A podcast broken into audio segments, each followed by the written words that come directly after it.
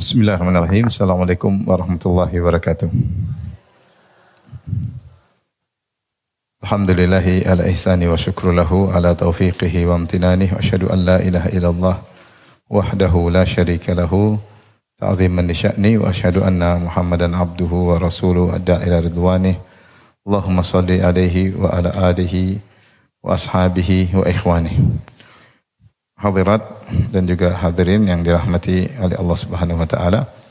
Pada kesempatan bahagia ini kita akan bahas tentang kisah wanita di antara wanita-wanita yang sempurna yang termulia yaitu Fatimah bintu Rasulullah sallallahu alaihi wasallam, Fatimah putri Rasulullah sallallahu alaihi wasallam.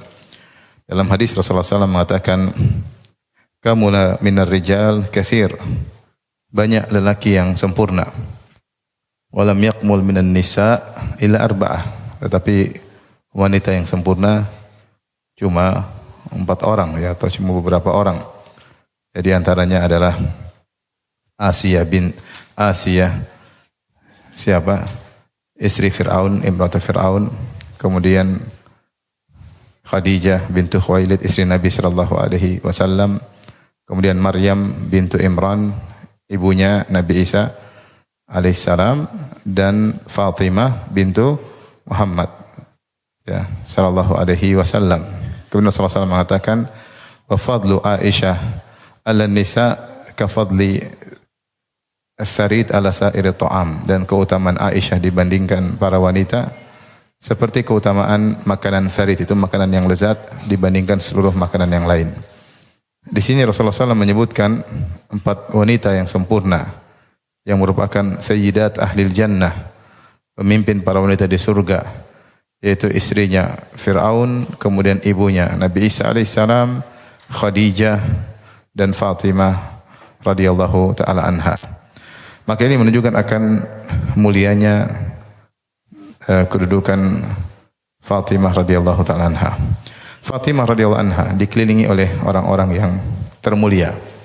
Kalau kita lihat ayahnya, maka tidak mampu kita untuk menyampaikan seluruh kemuliaannya. Ayahnya adalah Rasulullah sallallahu alaihi wasallam.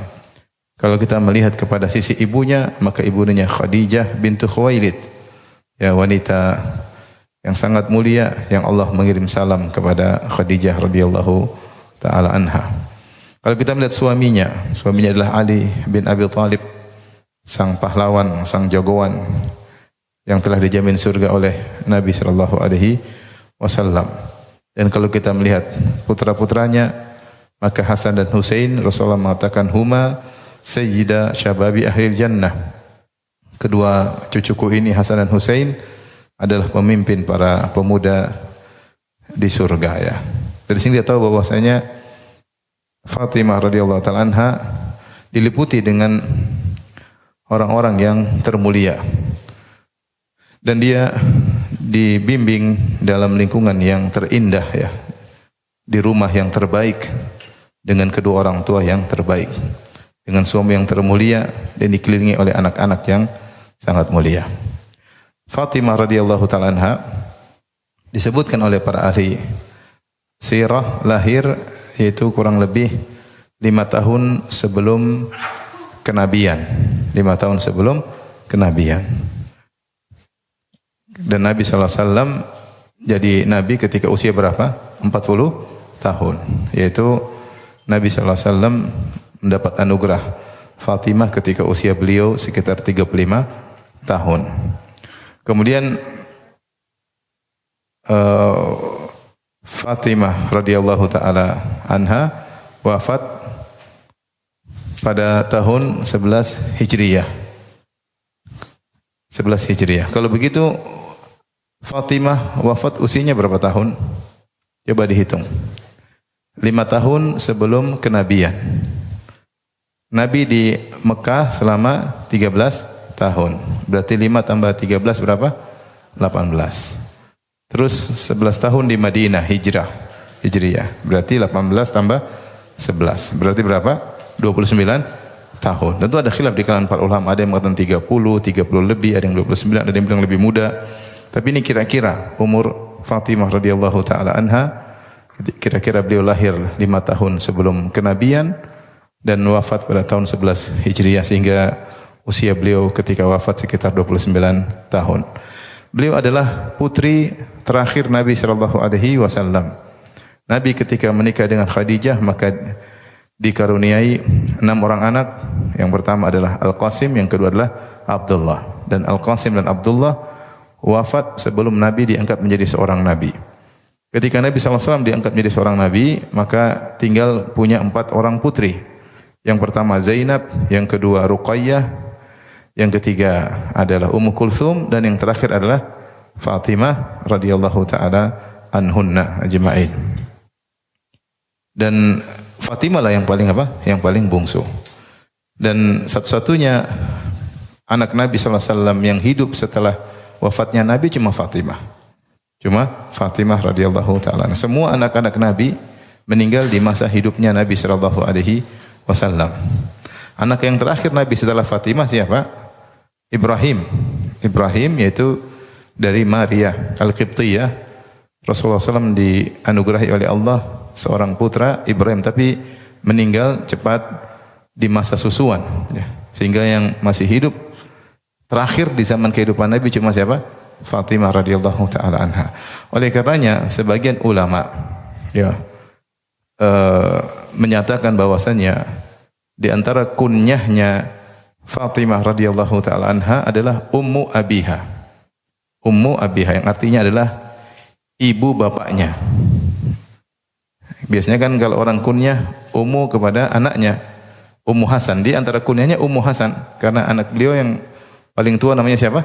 Hasan. Dia Ummul Hasan. Tetapi disebutkan oleh sebagian ulama di antara kunyah beliau disebut oleh meskipun tidak datang dalam nas yang sahih bahwasanya uh, para sahabat memanggilnya dengan kunyah tersebut namun dikenal di kalangan para ulama dengan istilah atau kunyah Ummu Abiha ibu ayahnya apa maksudnya Ummu Abiha ada yang menjelaskan bahwasanya Ummu Abiha karena seakan-akan Fatimah radhiyallahu taala anha menempati posisi ibunya Nabi sallallahu alaihi wasallam dan ini wajar Rasulullah sallam punya istri yang sangat solehah Khadijah. Kemudian anaknya meninggal. Kemudian anak perempuannya semuanya meninggal. Sehingga tersisa satu anaknya itu cuma siapa? Fatimah. Maka ketika itu Rasulullah SAW merasakan kelembutan, perhatian yang besar dari putrinya yang tinggal satu-satunya. Ya, makanya Rasulullah SAW sangat sayang kepada putrinya Fatimah. Sehingga Fatimah memberikan perhatian khusus kepada Nabi Shallallahu Alaihi Wasallam. Saking perhatian Fatimah kepada ayahnya, sebagian ulama mengatakan Fatimah kunyanya Ummu Abiha, ayah bapaknya. Kenapa? Karena perhatian ya terhadap bapaknya. Ini dalam kehidupan nyata mungkin. Banyak ada seorang lelaki, istrinya sudah meninggal, anak-anaknya sudah meninggal, tinggal punya satu anak perempuan. Kira-kira anak perempuan tersebut perhatian nggak sama bapaknya? Perhatian, mungkin datang, mungkin ngobrol, mungkin menghilangkan penat ayahnya, menghilangkan duka nestapa ayahnya. Sampai begitu perhatian Fatimah kepada ayahnya, sebagian ulama menyebut Fatimah dengan Ummu Abiha, yaitu ayah atau ibu dari ayahnya sendiri. Kemudian juga di antara eh, gelar yang disematkan kepada Fatimah radhiyallahu taala anha Meskipun tidak ada dalil yang sahih dan juga tidak disebutkan oleh para sahabat, para tabi'in dan para atba'ut tabi'in, namun sebagian ahli sejarah mensifati Fatimah dengan Az-Zahra. Fatimah Az Az-Zahra. Az-Zahra itu adalah uh, kalimat muannats kalau muzakkarnya Az-Zahir. Maknanya adalah uh, yang putih dan bersinar ya. Itu orang-orang yang mensifati Fatimah dengan Az-Zahra ingin menyamakan Fatimah seperti ayahnya. Di mana Rasulullah SAW adalah seorang lelaki yang berkulit putih dan bercahaya. Demikian juga putrinya Fatimah radhiyallahu taala anha eh, putih dan bercahaya ya. Ada yang mengatakan bahkan sampai nampak kemerah-merahan pada kulitnya. Sehingga secara fisik eh, Fatimah disebut dengan Az-Zahra. Fatimah yang putih, yang bercahaya, sebagaimana ayahnya Rasulullah sallallahu alaihi wasallam. Meskipun lafal Az-Zahra ini tidak datang dalam hadis-hadis, tidak disebutkan juga oleh para sahabat, para tabi'in, para atba'ut tabi'in. Namun tidak mengapa karena memang sesuai dengan kenyataan fisik dari Fatimah radhiyallahu taala anha.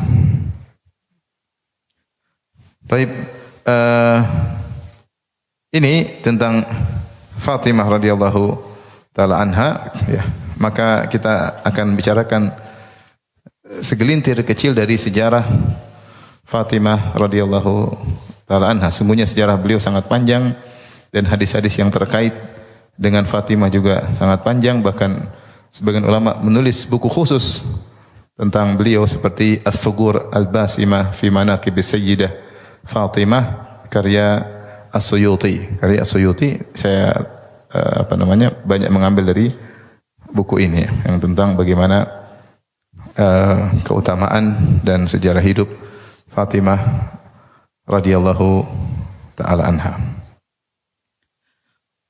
Ibu yang dirahmati oleh Allah Subhanahu wa taala ya. Kita tahu bahwasanya Fatimah radhiyallahu taala anha hidup bersama ayah dan ibunya ya. Dan ketika Nabi diangkat menjadi seorang nabi, usianya mungkin lima tahunan, lima atau enam tahun. Kemudian dia mendapati banyak kejadian-kejadian penderitaan-penderitaan dalam dakwah. Di antaranya kita tahu bagaimana kisah putri-putri Nabi dicerai seperti Ruqayyah dan Ummu Kulthum. Ketika itu sudah menikah tiga putri Nabi. Zainab sudah menikah, kemudian Ruqayyah sudah menikah, Ummu Kulthum juga sudah menikah. Yang belum menikah siapa? Fatimah. Masih sekitar lima tahunan ketika Nabi mulai berdakwah. Adapun Zainab menikah dengan Abdul As bin Rabi'. Adapun Ruqayyah dan Ummu Kulthum menikah dengan putra-putranya Abu Lahab yaitu Utbah dan Utaibah ya menikah dengan putra-putranya Abu Lahab. Ketika Nabi SAW berdakwah, maka orang-orang Quraisy mengatakan kepada mantu-mantu Nabi, hendaknya kalian menceraikan putri-putri Muhammad, ceraikan.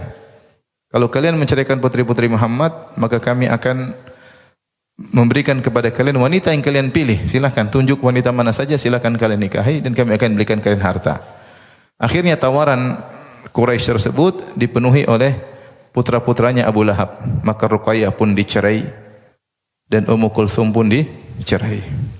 Adapun Abu As bin Rabi maka dia tidak mencerai uh, Zainab karena dia ponakannya Khadijah dan dia sayang kepada Zainab.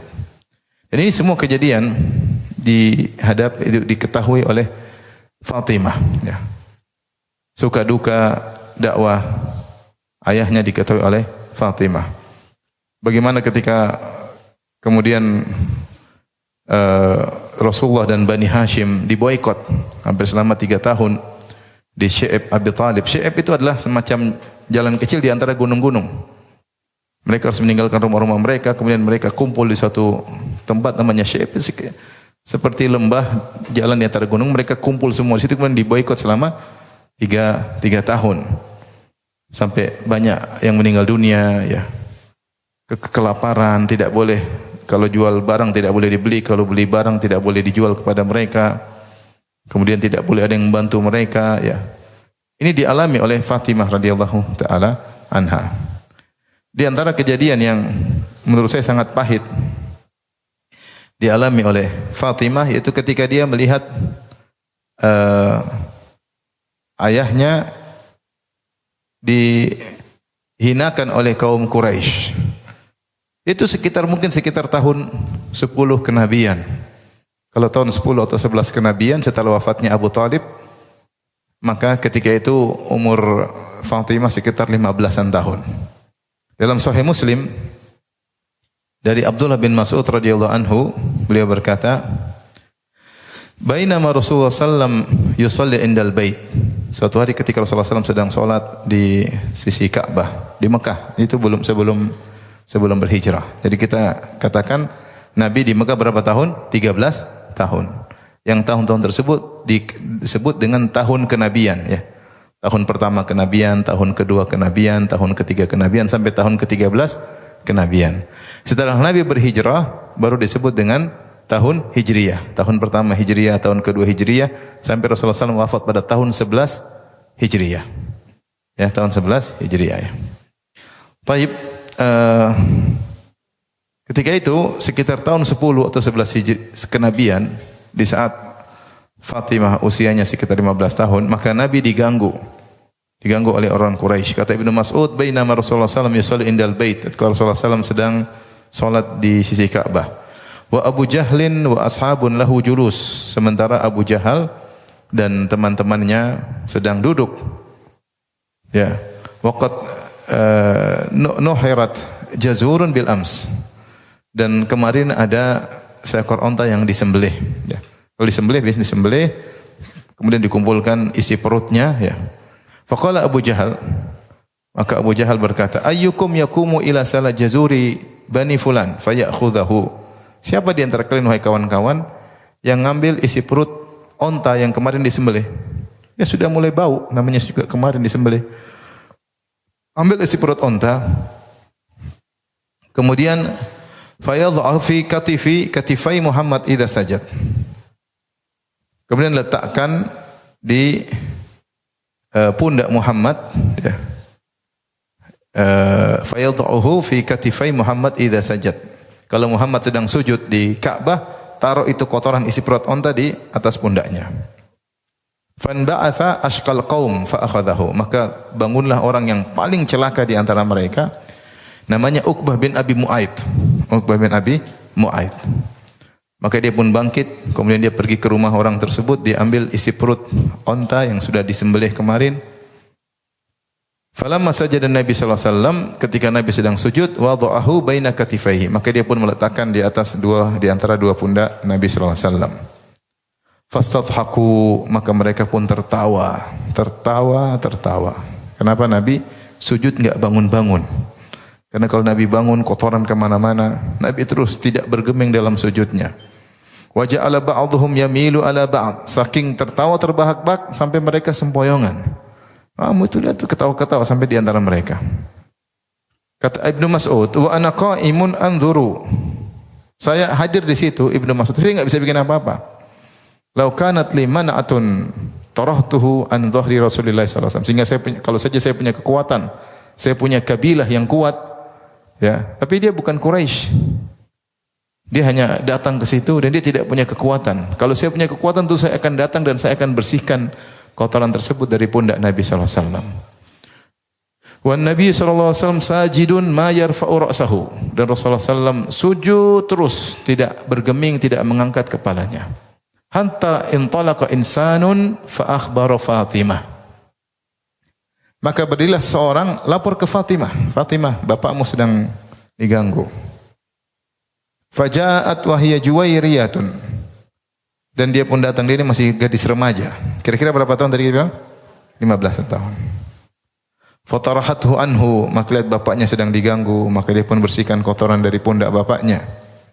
Thumma akbalat alaihim tashtimuhu, kemudian dia balik hadap Abu Jahal dan teman-temannya, masih kecil Fatimah. Kemudian dia maki-maki mereka maki-maki mereka. Falamma qadha Nabi sallallahu alaihi wasallam salatahu. Kemudian setelah dibersihkan kotorannya Rasulullah SAW melanjutkan salatnya. Tidak tahu berapa lama Rasulullah SAW sujud. Mungkin lama sekali. Ya. Sementara mereka tertawa-tertawa. Kemudian Rasulullah SAW selesai dari salatnya, melanjutkan salatnya karena kotoran sudah dihilangkan dari putrinya. Rafa'a sautahu thumma alim. Kemudian dia pun berdoa dengan mengangkat suara didengar oleh mereka. Kata Ibnu Mas'ud, "Wa kana idza da'a da'a thalathan, wa idza sa'ala sa'ala thalathan." Adalah Nabi SAW kalau berdoa Nabi doa tiga kali. Kalau Nabi meminta kepada Allah, Nabi minta tiga kali. Itu mengulangi doa. Maka Rasulullah SAW berdoa, Allahumma alaika bi Quraisy salasa marrat. Rasulullah SAW berdoa, mengangkat tangannya dengan suara yang lantang didengar oleh mereka. Ya Allah, hancurkanlah Quraisy. Ya Allah, binasakanlah Quraisy. Ya Allah, ya hancurkanlah Quraisy. Falamma sami'u sautahu tatkala Abu Jahal dan teman-temannya mendengar doa Nabi sallallahu alaihi wasallam, dhahaba anhumud dhahik, mereka tiba-tiba terdiam, enggak ada yang ketawa. Wa khaufu da'watahu, mereka takut doanya Nabi dikabulkan. Kemudian Nabi tidak cukup sampai di situ. Tadi Nabi berdoa secara umum, kemudian Nabi sallallahu alaihi wasallam doa secara spesifik. Kata Nabi sallallahu alaihi wasallam, "Allahumma alaika bi Abi Jahal bin Hisham." Ya Allah binasakan Abu Jahal bin Hisham. Lebih ngeri lagi mereka takut. Wa Utbah bin Rabi'ah, ya Allah binasakan Utbah bin Rabi'ah. Wa Syaibah bin Rabi'ah, binasakan Syaibah bin Semua hadir di situ, gembong-gembong Quraisy. Wal Walid bin Uqbah, binasakan Walid bin Uqbah. Wa Umayyah bin Khalaf, binasakan Umayyah bin Khalaf, yaitu majikannya Bilal, yang menyiksa Bilal. Wa Uqbah bin Abi Muaid, binasakan Uqbah bin Abi Muaid yang mengambil apa? kotoran yang taruh di pundak Nabi sallallahu alaihi wasallam. Dan ada orang ketujuh perawi lupa. Maka Ibnu Mas'ud berkata setelah itu, itu tujuh orang semua didoain keburukan oleh Nabi. Fa walladzi ba'atha Muhammadan sallallahu alaihi wasallam bil haq demi zat yang mengutus Muhammad sallallahu alaihi dengan kebenaran laqad ra'aitul ladzina samma sar'a yaum badar. Aku melihat semua yang disebut oleh Nabi tujuh orang semua binasa dalam perang Badar. Semuanya binasa dalam perang Badar. Semua sahibu ilal qalib qalibi Badar. Kemudian mayat-mayatnya dimasukkan ke dalam sumur-sumur yang usang yang ada di lokasi Badar. Ini maksud saya bagaimana Fatimah radhiyallahu taala anha sejak kecil uh, menghadapi atau melihat kondisi yang mengenaskan penderitaan-penderitaan yang dialami oleh ayah dan ibunya ya. Kemudian bagaimana ibunya meninggal ya. Kemudian bagaimana ayahnya dihina oleh orang-orang. Dan ini tentu sangat berat bagi Nabi sallallahu alaihi wasallam. Seorang sangat berat kalau dia di, di ketika dia berdakwah dia diganggu cuma dirinya, mungkin dia masih kuat. Tetapi kalau diganggu istrinya, anaknya, keluarganya berat. Seperti Fatimah akhirnya harus melihat pemandangan yang tidak mengenakan tersebut. Dan dia hanya mampu memaki-maki Abu Jahal. Apakah yang bisa dilakukan? Dia hanya seorang wanita, wanita kecil. Tapi dia tegar, dia memaki-maki mereka. Ini di antara pengalaman hidup yang dihadapi oleh Fatimah radhiyallahu taala anha. Maka setelah itu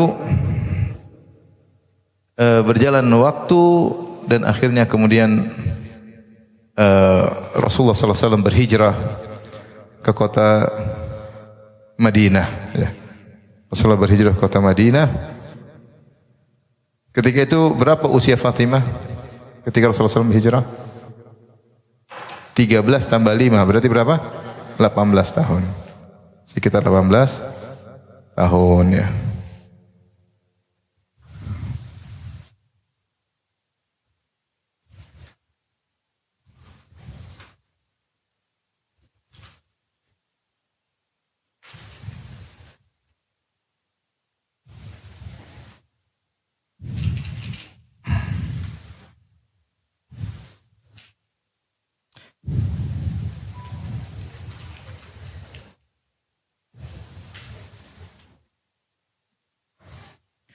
Kemudian berjalan dengan waktu ada yang menyebutkan setelah lima bulan uh, setelah setahun setelah hijrah ya, maka Rasulullah SAW menikahkan Fatimah dengan Ali bin Abi Thalib radhiyallahu taala anhu. Ya. Dan kisahnya menarik ya. Jadi uh, sebagian riwayat menyebutkan bahwasanya Fatimah sudah dilamar oleh orang-orang yang mulia ya. Disebutkan bahwasanya Fatimah dilamar oleh Abu Bakar. Tapi Rasulullah SAW tidak menerima laparan tersebut. Ada yang mengatakan juga Rasul Fatimah dilamar oleh Umar. Namun Rasulullah SAW tidak menerima lamaran tersebut. Ada yang mengatakan Rasulullah SAW sudah menjanjikan putrinya buat Ali bin Abi Thalib. Dalam satu riwayat dari Ali bin Abi Thalib dia cerita, "Khutibat Fatimatu min Rasulillah wasallam." Fatimah dilamar oleh orang. Ada yang datang kepada Nabi melamar Fatimah. Sebagaimana disebut dalam riwayat itu Abu Bakar dan juga siapa? Umar. Tentunya mereka ingin punya hubungan kekerabatan dengan Nabi lebih lebih kuat. Maka faqalat maulatun li, ada seorang budakku, ya, seorang budak wanitaku berkata kepadaku, Hal alimta anna Fatimah khutibat min Rasulillah wahai Ali, apakah kau sudah tahu Fatimah putrinya Muhammad dilamar? Qultula, aku bilang saya tidak tahu. Qalat faqad khutibat. Wahai Ali, ketahuilah bahwasanya Fatimah dilamar. Fama yamna'uka an ta'tiya Rasulullah sallallahu alaihi wasallam fayuzawwijuka biha. Kenapa kau tidak pergi kepada Nabi? Kau lamar juga. Biar rame-rame lamar siapa? Fatimah. Terus kau akan dinikahkan oleh Nabi sallallahu alaihi wasallam dengan putrinya. Ali enggak enak ya. Ali ini dekat sekali sama Nabi sallallahu alaihi wasallam karena Ali hidup di rumah Nabi sallallahu alaihi wasallam ya. Kita tahu bosnya Ali punya bapak namanya siapa? Abu Talib. Abu Talib yaitu pamannya Nabi miskin. Dia punya anak di antaranya Talib, di antaranya Aqil, kemudian juga ada uh, apa namanya Ali ya, di antaranya Ja'far. Di antaranya Ja'far. Akhirnya karena Abu Talib miskin maka Nabi dan Al-Abbas bin Abdul Muttalib datang kepada Abu Talib untuk meringankan bebannya untuk memelihara anak-anaknya. Maka Nabi dikasih siapa? Ali. Oleh karenanya Ali bin Abi Thalib sejak kecil tinggal bersama Nabi Shallallahu Alaihi Wasallam. Nabi kenal betul siapa Ali bin Abi Thalib, radhiyallahu taala. Dan tentunya Ali sangat segan kepada Rasulullah Shallallahu Alaihi Wasallam. Maka ini ada budak wanita kasih ide sama Ali. Kenapa kau nggak ngelamar siapa? Fatimah. Yang lain pada sudah ngelamar, kau juga maju ngelamar. Aku berkata, Awa indi syai'un atazawwaju bihi. Saya punya apa mau nikah sama siapa? Fatimah. Tidak punya modal. Punya modal apa nikah sama Fatimah? Tapi budak wanita ini semangatin. Innaka in ji'ta Rasulullah sallallahu alaihi wasallam zawwajaka. Tenang aja, pergi aja. Pokoknya maju dulu. Kalau kau maju, insya Allah diterima. Kau akan dinikahkan oleh Nabi sallallahu alaihi wasallam. Wallahi ma zalat turajjini hatta dakhaltu ala Rasulillah sallallahu alaihi wasallam. Kata Ali ini budak perempuan ini terus ayo ayo kasih motivasi, ayo ayo. Insya Allah diterima. Pokoknya maju aja. Saya punya apa? Maju aja. Saya punya apa? Maju aja. Akhirnya Ali bin Abi Thalib terdorong termotivasi maka dia pun datang menemui Nabi sallallahu alaihi wasallam untuk ngelamar siapa? Fatimah. Umur Ali ketika itu ada yang bilang 21 tahun, ada yang bilang 23 tahun. Falam an qa'attu baina yadayhi ufhimtu. Ketika aku sudah masuk ketemu Nabi, aku duduk di depan Nabi, aku enggak bisa ngomong, diam. Malu ya. Wallahi mastata'tu an atakallam jalalatan wa haibatan. Demi Allah aku tidak mampu bicara dengan Nabi karena karismatik Nabi yang luar biasa. Aku hanya terdiam, apalagi mau ngelamar apa? Putrinya. Apalagi nggak punya modal, lengkap. Kalau punya modal sih pede, ini nggak ada modal. Minta sama Nabi. Faqala Rasulullah sallam, maka Rasulullah berkata kepada Ali, "Ma ja'a bika? Apa yang buat kau ke sini? Alakah hajah? Kau punya keperluan?" Fasakatu. Aku diam, nggak bisa ngomong. Rasulullah SAW rupanya mengerti. Rasulullah SAW berkata, La allaki ji'ta takhtibu Fatimah. Jangan-jangan kau kemarin mau ngelamar Fatimah? Fakultu na'am, ketahuan juga. ya Rasulullah. Rasulullah bertanya, "Wahal indaka min syai'in tastahilluha bihi?" Kau punya sesuatu untuk mahar? Untuk bisa menghalalkan Fatimah? Ini yang jadi masalah. Fakultu la tidak ada. Jadi modal nekat. Fakultu la wallahi ya Rasul. Demi Allah saya tidak punya apa-apa ya Rasulullah. Saya cuma ingin melamar apa? Putrimu. Maka Rasulullah ingatkan, ma fa'alat dir'u sallahtuka dir'un sallahtukaha. Bagaimana dengan baju perang yang pernah aku berikan kepadamu? Baju perang. Oh iya, Ali baru ingat dia punya harta itu baju apa? Perang. Walladhi nafsi nafsu aliin biyadihi innaha lahutamiyah ma qimatuha arba'at darahim. Fakultu indi. Demi zat yang jiwa Ali berada di tangannya, sungguhnya itu adalah baju perang Hutamiyah itu di dibuat oleh suatu kabilah yang kabilah kabilah Hutami ya. Cuma empat nilainya murah, empat dirham. Ya. Sebagian mengatakan 100 dirham. Ya, intinya tidak mahal. Fakultu indi ada, masih ada. Maka Nabi ketika tahu Ali punya harta meskipun sedikit, Nabi langsung berkata, "Qad zawwaj tukaha." Aku sudah nikahkan engkau dengan apa? Fatimah. Selesai pernikahan. Faba'atha ilaiha biha fastahallaha biha. Maka Nabi SAW pun uh, mengirim Fatimah kepada Ali bin Abi Thalib radhiyallahu taala anhu.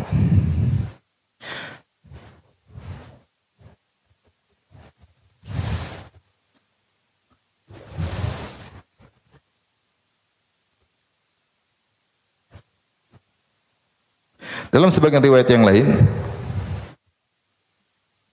Rasulullah berkata, "Ma hajatuka ya Ali? Apa keinginanmu ke sini ya Ali?" Kata Ali, "Zakartu Fatimah binti Rasulullah. Aku ingat Fatimah putri Rasulullah sallallahu alaihi wasallam." Rasulullah SAW berkata, "Marhaban wa ahlan." Marhaban. Selamat datang. Marhaban, selamat lam yazid alaiha. Rasulullah cuma bilang begitu dalam sebagian riwayat. Akhirnya orang-orang nunggu Ali ngelamar gitu keluar mereka tanya. Nabi bilang apa sama kamu? Enggak, Nabi cuma bilang marhaban wa ahlan. Selamat, selamat. Bingung, ini maksudnya apa? Kata kata teman-temannya, yakfika min Rasulillah a'taqal ahla wa a'taqal marhab. Sudah cukup, itu berarti Rasulullah terima. Sudah bilang marhaban wa ahlan berarti apa? diterima. Kemudian akhirnya uh, terjadilah pernikahan dengan Fatimah radhiyallahu taala anha. Dalam riwayat yang lain disebutkan ketika Ali melamar Fatimah maka Rasulullah SAW bilang kepada Fatimah Faqala laha Rasulullah Rasulullah SAW berkata kepada putrinya inna aliyan yadhkuruki Wahai Fatimah, Ali nyebut-nyebut kamu. Udah ngerti maksudnya apa? Ngelamar. Fasakatat. Fatimah cuma diam aja. Dan kita tahu kalau gadis diam berarti apa? Mau. kalau janda harus ngomong. kalau gadis diam malu-malu berarti apa? Mau. Fazawajah. Akhirnya pun dinikahi. Dan pernikahan tersebut sangat sederhana ya.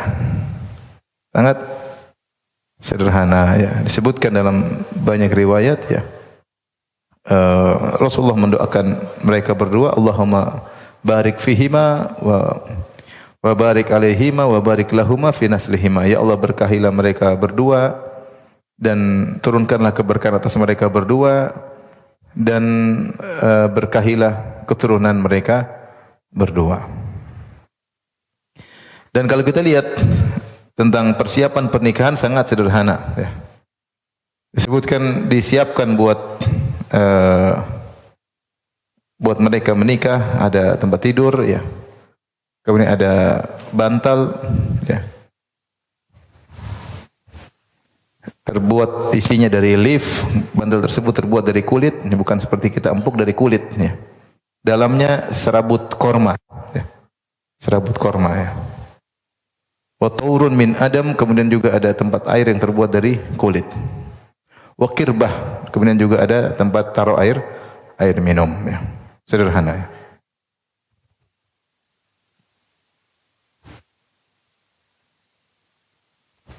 Kemudian disebutkan bahwasanya uh, apa namanya tempat tidur tersebut ditaruh atasnya bukan kasur empuk seperti kita, tapi masku kapshin yaitu kulit dari domba diletakkan sebagai sebagai apa tikar mereka untuk untuk tidur. Sebutkan dalam riwayat Laqad tazawwajtu Fatimata wa ma liya wa laha firashun. Aku telah menikahi Fatimah. Dan tidak ada milik kami berdua kecuali hanya alas tidur ghairu jaladi kapshin nanamu alaihi bil lail yaitu kulit dari domba kami tidur di atas kulit tersebut. Ya. Jadi sangat-sangat sederhana. Dan ini di antara faedah yang bisa kita ambil dari kisah ini bahwasanya eh, pernikahan kalau bisa jangan diper dipersulit ini di zaman dulu, bagaimana lagi di zaman sekarang yang penuh dengan fitnah. Kalau ada putra-putri kita ingin menikah, maka jangan kita persulit. Cuma kita bekali dengan ilmu, bekali dengan kesungguhan, ingatkan bahwasanya pernikahan bukan main-main, ya perlu keseriusan. Tapi jangan kita halangi mereka untuk nikah. Karena fitnah luar biasa yang mungkin tidak kita rasakan. Ibu-ibu mungkin sudah pada berusia ya. Mungkin ya, Allah alam ya. Sudah berusia muda dan tua maksudnya. Sementara anak kita masih remaja-remaja, mereka menghadapi fitnah yang jauh lebih dahsyat dari apa yang pernah kita hadapi. Ketika putra-putra kita ingin menikah, jangan ditunda-tunda. Kita berusaha untuk bantu, kita ajarkan tanggung jawab, tapi jangan tunda-tunda agar mereka selamat dan mereka lebih fokus dalam menjalankan kehidupan. Orang sudah menikah biasanya fokus, punya tujuan.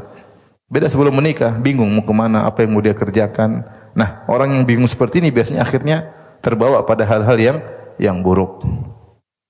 Kemudian bagaimana Nabi alaihi wasallam perhatian terhadap Ali?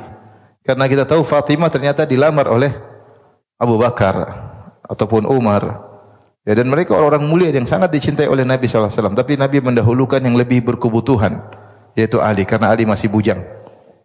Masih jomblo. Beliau lebih utama untuk apa? Menikah dengan putri Nabi Shallallahu Alaihi Wasallam maka didahulukan. Baik, adapun uh, bagaimana kehidupan rumah tangga Fatimah dan Ali bin Abi Thalib radhiyallahu taala anhu. Maka Fatimah dan Ali radhiyallahu anhu hidup dengan rumah tersendiri ya. Tidak bergabung dengan orang tua mereka. Dan itu sunnah bahwasanya anak-anak diajar mandiri, punya rumah sendiri ya. ya. Tapi tidak mengapa orang tua perhatian ya. Tapi kalau mereka sudah mampu hendaknya mereka menjalankan rumah tangga sendiri. Dan mereka hidup dalam kondisi sangat-sangat sederhana ya. Waktu pernikahan dengan e, peralatan perabot rumah tangga yang sederhana, demikian juga ketika mereka menjalani kehidupan. Dalam satu riwayat dari Ali bin Abi Thalib dia bercerita, anna Rasulullah SAW lamma zawwajahu Fatimah ba'atha ma'aha bi khamilah wa wisada min adam hashuha lif wa ruhain wa siqa wa jarratain adalah ketika Nabi SAW menikahkan Ali dengan Fatimah, maka Rasulullah SAW mengirim sebuah kain sebagai peralatan untuk di rumah, taruh di rumah, kemudian bantal yang isinya terbuat dari kulit, isinya serabut uh, pohon korma, kemudian juga alat penggiling gandum, ya. kemudian juga ada tempat minum dan dua gentong, ya. Alat-alat sederhana.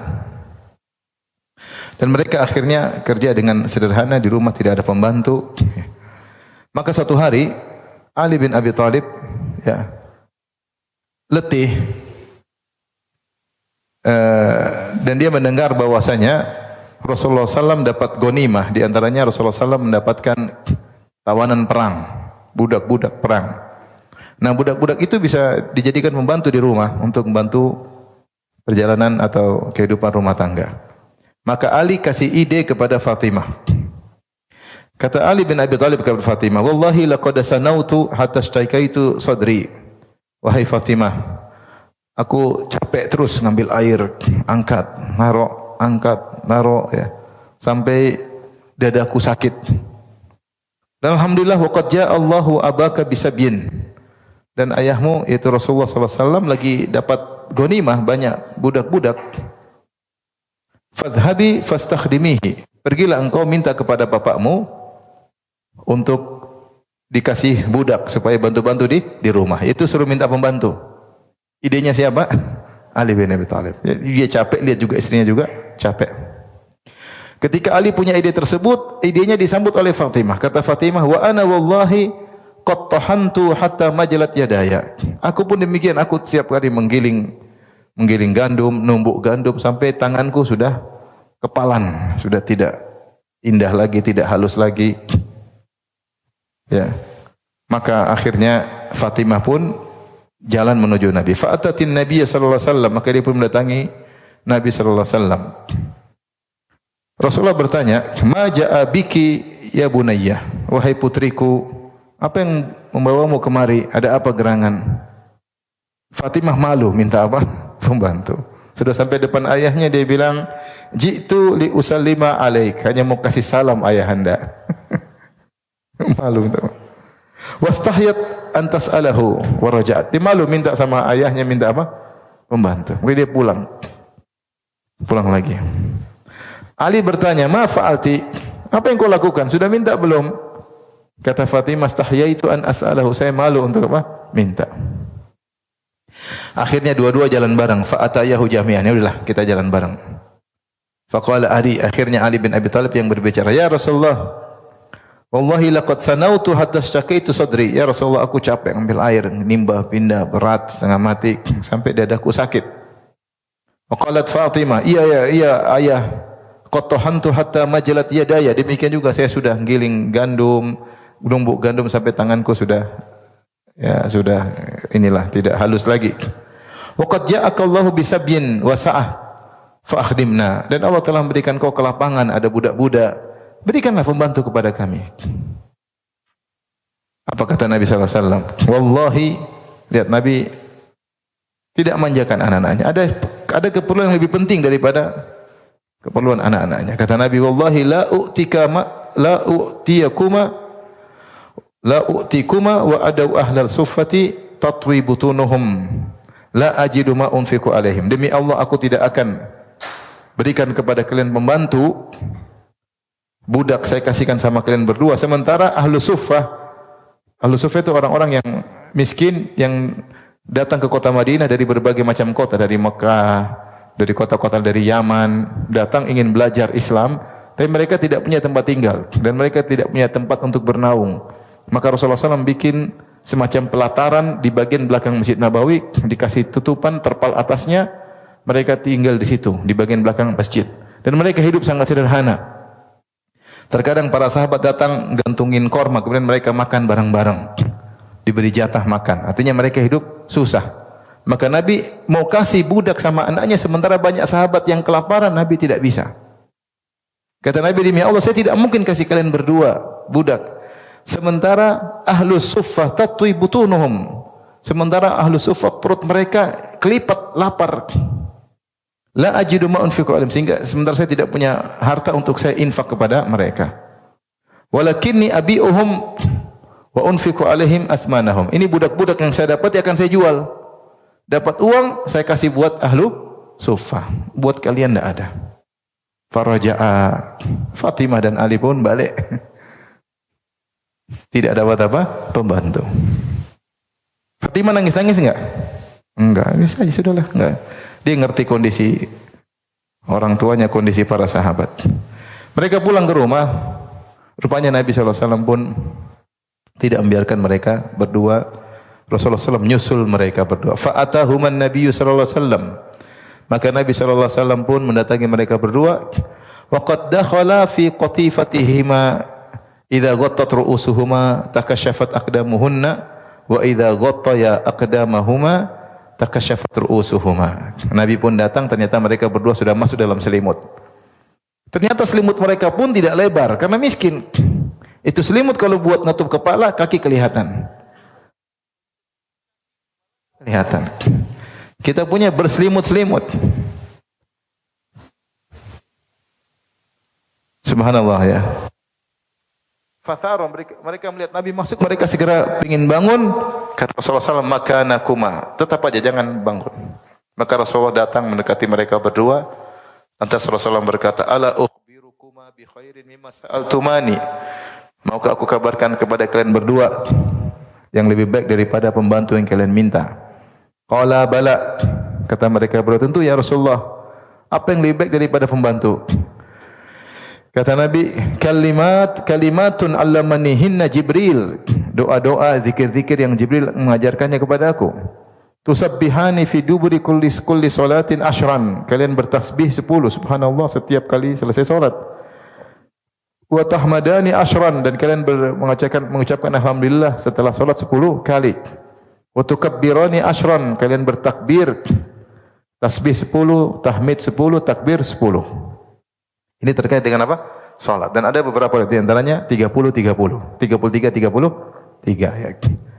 Kemudian yang jadi perhatian kita tentang masalah pembantu kata Nabi sallallahu alaihi wasallam wa idza awaituma ila firashikuma. Kalau kalian berdua ingin tidur, fasabbiha thalathan wa thalathin. maka bertasbihlah 33 kali. Wahmada thalathan wa thalathin dan bertahmidlah 33 kali. Wa kabbira dan bertakbirlah arba'an wa thalathin, 434 kali. Genap berapa? Serah? 100. Ini obat kalau ingin kuat dalam beraktivitas dalam rumah. Yang lebih baik daripada bertasbih 33 kali, tahmid 33 kali, takbir berapa? 34 kali. Bukan sebelum tidur baca WhatsApp. Kalau tidur baca WhatsApp bangun malas. Bangun malam lewat berkhidmat kepada anak-anak dan suami juga malas. Tapi Rasulullah ajarkan sebelum tidur tasbih 33 kali, tahmid 33 kali, takbir 34 kali. Subhanallah ketika Nabi menyampaikan tersebut apa kata Ali bin Abi Thalib? "Wallahi ma taraktuhunna mundu 'allamanihinna Rasulullah sallallahu alaihi wasallam." Demi Allah aku tidak pernah meninggalkan zikir ini sebelum tidur sejak Nabi mengajarkannya. Subhanallah. Sampai Ali meninggal dunia tidak pernah meninggalkan zikir zikir ini. Ini zikir benar. Coba ibu-ibu praktek. Ibu lagi capek sekali baca zikir sebelum tidur ya. Ya WhatsApp matikan dulu terus zikir terus tidur. Ada seorang perawi atau yang mendengar perkataan Ali tersebut namanya Ibnul Qawwa dia berkata wahai Ali wala lailata siffin bahkan kau tidak tinggalkan zikir ini ketika perang Siffin sebelum tidur dalam perang Siffin faqala na'am iya bahkan ketika perang Siffin aku tidak meninggalkan wala lailata siffin bahkan ketika perang Siffin aku tidak meninggalkan zikir ini artinya ketika Ali mengatakan saya tidak pernah meninggal sama sekali radhiyallahu anhu maka pendengar mau ngetes Kan banyak kondisi yang mungkin Ali lupa, berat. Di antaranya ketika perang, perang Siffin. Itu kondisi yang berat. Maka dia tanya, ketika perang masih baca zikir ini? Kata Ali, masih baca zikir, zikir ini. Ini uh, dalil ya bahwasanya dalam kehidupan rumah tangga kita bersabar ya. Kalau qadarullah Allah memberikan harta yang berkecukupan, maka kita qanaah, terima dengan harta tersebut dan kita menguatkan diri kita dengan banyak berzikir kepada Allah Subhanahu wa taala. Dan lihatlah Nabi sallallahu alaihi wasallam tidak membajakan putrinya sementara masih ada orang miskin yang lebih membutuhkan. Ya. Dan ini juga dalil bagaimana ya suami istri kerjasama dalam menjalankan tugas-tugas di rumah ya. Ali dan Fatimah radhiyallahu taala anhuma menjalani kehidupan rumah tangga. Lelaki terbaik dan wanita terbaik. Apakah tidak ada permasalahan rumah tangga? Tetap ada. Jangankan Ali dan Fatimah, Nabi dan istri-istrinya ada masalah atau tidak? Ada, ada problematika rumah tangga ada. Dan di antara hadis yang menceritakan problematika rumah tangga antara Ali dan Fatimah adalah sebagaimana berikut. Ya. Dari Sahal bin Sa'ad radhiyallahu anhu, dia berkata, "Ja'a Rasulullah sallallahu alaihi wasallam bait Fatimah." Suatu hari Rasulullah sallam nengok rumah putrinya Fatimah, nengok. Ternyata falam yajid aliyan fil bait. Ternyata Ali lagi tidak di rumah. Nabi datang siang-siang dengan harapan di siang hari suami istri lagi bareng. Zaman dahulu kan gitu, kerja siang istirahat, mungkin sore lanjut lagi. Ali diharapkan ada di siang hari. Ternyata Ali tidak ada. Maka Nabi bertanya, "Aina ibnu ammik?" Di mana putra pamanmu? Ya, yaitu di mana suamimu? Di sini Rasulullah SAW merasa ada masalah. Karena tidak merupakan kebiasaan suami di siang hari tidak di di rumah. Ini zaman waktu itu. Maka langsung Rasulullah SAW berusaha menyelesaikan masalah dengan bertanya, Aina ibnu ammik, di mana putra pamanmu? Rasulullah tidak mengatakan di mana suamimu. Kata para ulama kenapa? Untuk mengingatkan kepada Fatimah bahwanya suamimu itu Ali bin Abi Thalib, dia bukan cuma suami, tapi dia juga kerabatmu. Karena dia adalah sepupu Nabi sallallahu alaihi wasallam. Dia adalah putra dari pamanmu. Maka pada Ali ada dua hak, hak suami dan hak apa? Kera, kerabat. Maka Nabi mengangkat sisi kekerabatan. Mana putra pamanmu? Aina ibnu ammuki, ibnu ammiki. Qalat Ketika ditanya maka Fatimah radhiyallahu anha tidak menjelaskan secara detail. Dia hanya berkata, "Kana baini wa bainahu syai' faghadabani fakharaja."